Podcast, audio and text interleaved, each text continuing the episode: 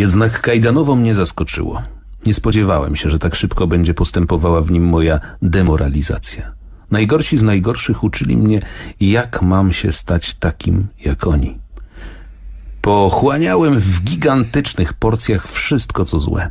Byłem ciekawy, dlatego uczyłem się szybko. Ten, kto się nie uczył, przepadał z kretesem.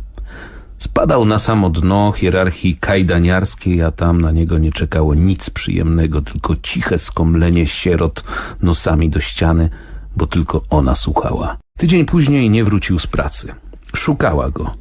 Zadzwoniła do jego kolegi. Tamten powiedział, że Adama nie ma już od kilku dni. Nie pracuje. Został zwolniony. Zadzwoniła do niego. Odebrał po kilku sygnałach. Zapytała, czy to prawda. Rozłączył się i nie wracał przez miesiąc. Znalazła go na dzielnicy, uznanej wszystkim lafiryndy Biedrony. Leżał w barłogu, zapyziały, pijany w sztok. Doszło do kłótni. Uderzył ją. Uciekła z płaczem do domu. Przyszedł wieczorem, ledwo stał na nogach. Kłócili się zajadle. On chwycił patelnię, chciał ją uderzyć.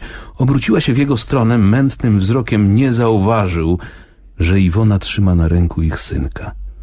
Trafił dziecko w główkę. Adrianek zemdlał. Iwona z histerycznym krzykiem padła na kolana.